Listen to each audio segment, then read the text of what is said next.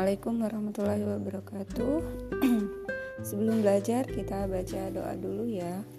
Robi zidni ilma warzuqni fahman. Baik, kita hari ini akan belajar bahasa Indonesia dan PKN. Kalian boleh buka bukunya halaman 137.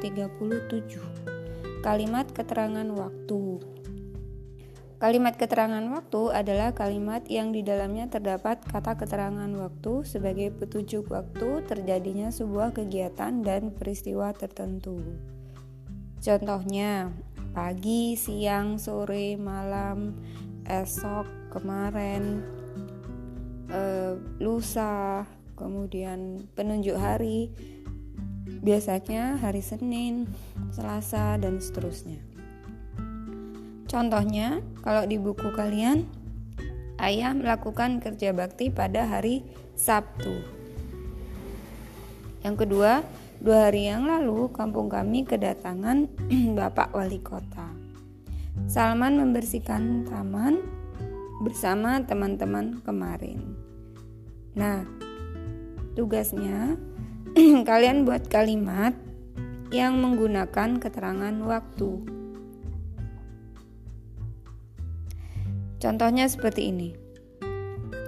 Satu minggu lagi kita akan melaksanakan PAS. Nah, kalian bisa tulis di situ contoh e, buat kalimat dengan menggunakan keterangan waktu. Selanjutnya buka halaman 138.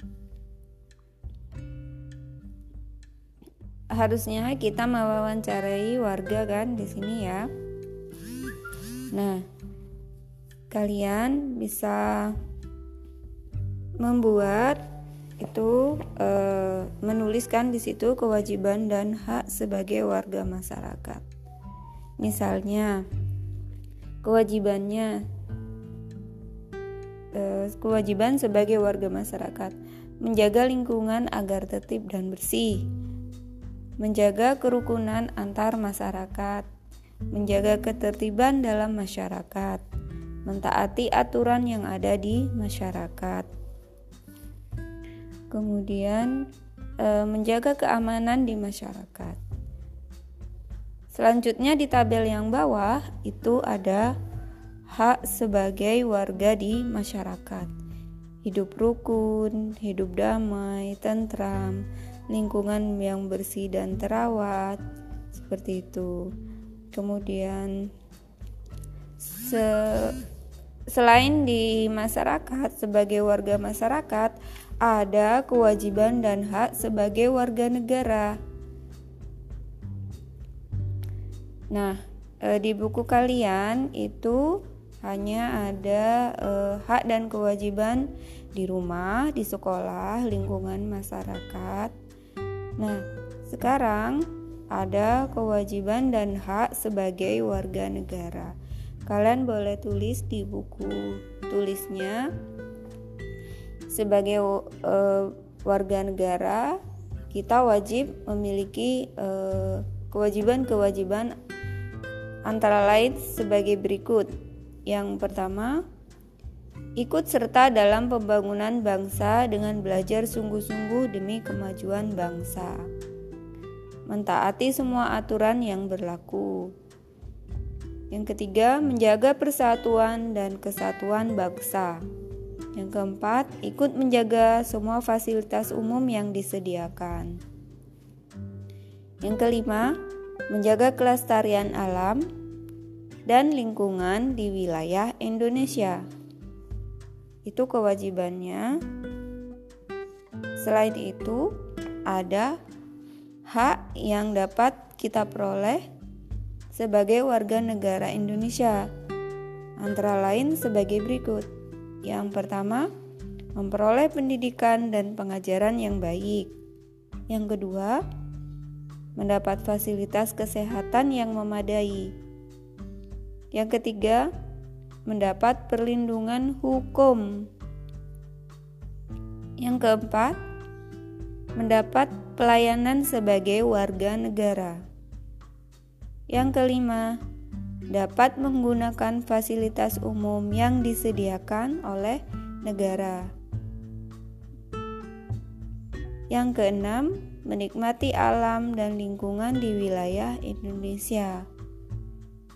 Ini maksudnya kalau kita berwisata ke Palembang, kita berwisata ke Lombok. Nah, seperti itu. Dari semua yang Ustazah sebutkan tadi, sebaiknya mengutamakan melaksanakan kewajiban terlebih dahulu sebelum kita menuntut untuk mendapatkan hak kita. Ingat, untuk melaksanakan hak dan kewajiban harus dilakukan secara seimbang. Itu ya. Boleh kalian tulis di e, bukunya. Halaman 139 kalian boleh centang sendiri kegiatan di lingkungan masyarakat yang sesuai dicentang, yang tidak sesuai kalian silang kasih tanda silang ya sekarang boleh buka halaman 145 145 menulis aturan yang berlaku berdasarkan gambar. Di sebelah kiri itu kan ada gambar.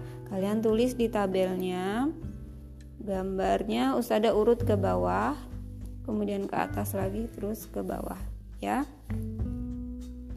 Nomor satu, aturan yang berlaku di dalam kereta. Nomor satu, tidak boleh duduk di lantai gerbong itu ya biasanya ya. Kemudian yang kedua, buang sampah pada tempatnya atau dilarang buang sampah sembarangan. Yang ketiga, pedagang asongan dilarang masuk. Yang keempat, tidak boleh membawa hewan ke dalam kereta, hewan peliharaan.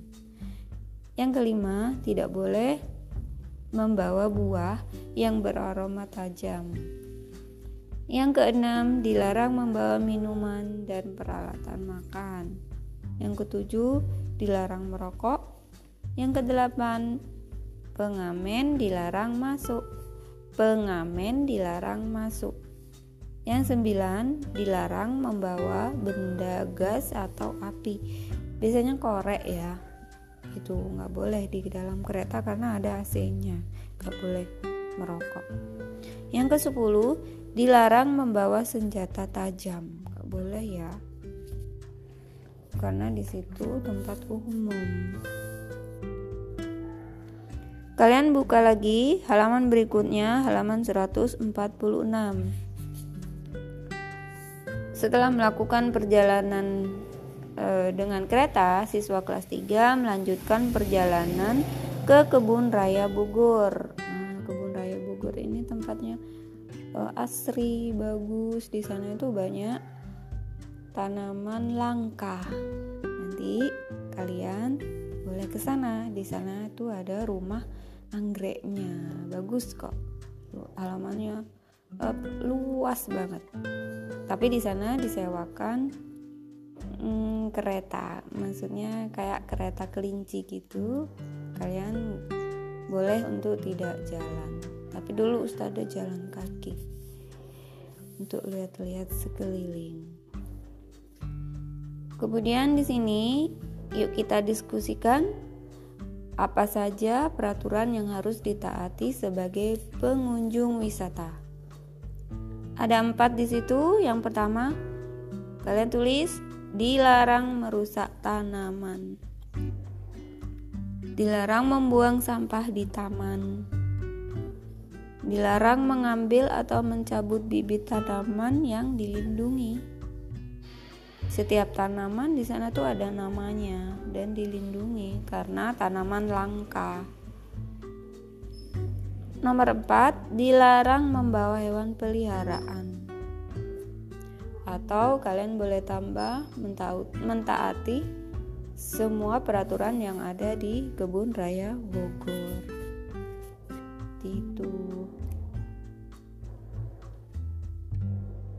Sudah menulisnya? Nah, coba kalian buka halaman 153 surat pribadi. Selama perjalanan wisata sebaiknya membawa buku kecil dan alat tulis untuk mencatat hal-hal baru dan menarik. Tujuannya agar ketika kita akan menuliskan pengalaman perjalanan tersebut dapat dengan mudah mengingat kembali menulis pengalaman. Bisa di buku pribadi atau bisa juga untuk menceritakan pengalaman kepada sahabat atau keluarga lainnya dalam bentuk surat. Di buku kalian ada 6 ciri-ciri surat pribadi. Yang pertama, bahasa yang ditulis bukan bahasa baku, menggunakan bentuk bebas, menggunakan kertas bebas, tidak ada lambang lembaga, tidak menggunakan stempel, tidak menggunakan nama surat. Biasanya ini bu kayak buku diary gitu ya. Diary buku catatan harian. Itu kalian harus punya itu buku nota biar mencatat. Misalnya PR halaman sekian sampai sekian tugas hari ini hari kapan akan dikumpulkan. Nah seperti itulah. Bagian-bagian surat pribadi sebagai berikut: alamat dan tanggal penulisan surat, salam pembuka, paragraf pembuka, paragraf isi, paragraf penutup, salam penutup. Seperti itu cara membuat surat pribadi. Kalian boleh um, mengirimkan suratnya pada teman. Ya, biasanya uh, kita mengirim suratnya itu kepada teman yang ada di luar kota seperti itu ya. Untuk matematika nanti kita belajarnya insya Allah besok hari Kamis. Itu saja dari Ustada kita lanjutkan nanti hari Jumat kita belajar ini eh, keanekaragaman. Itu di pembelajaran 5 Nanti kita lanjutkan di hari Jumat ya. Hari Kamis besok kita matematika. Itu saja, selamat belajar. Hari ini tidak ada tugas yang difoto, hanya melaporkan ke Ustada apakah sudah ditulis, disalin ke dalam buku apa yang tadi Ustada terangkan. Ya. Assalamualaikum warahmatullahi wabarakatuh.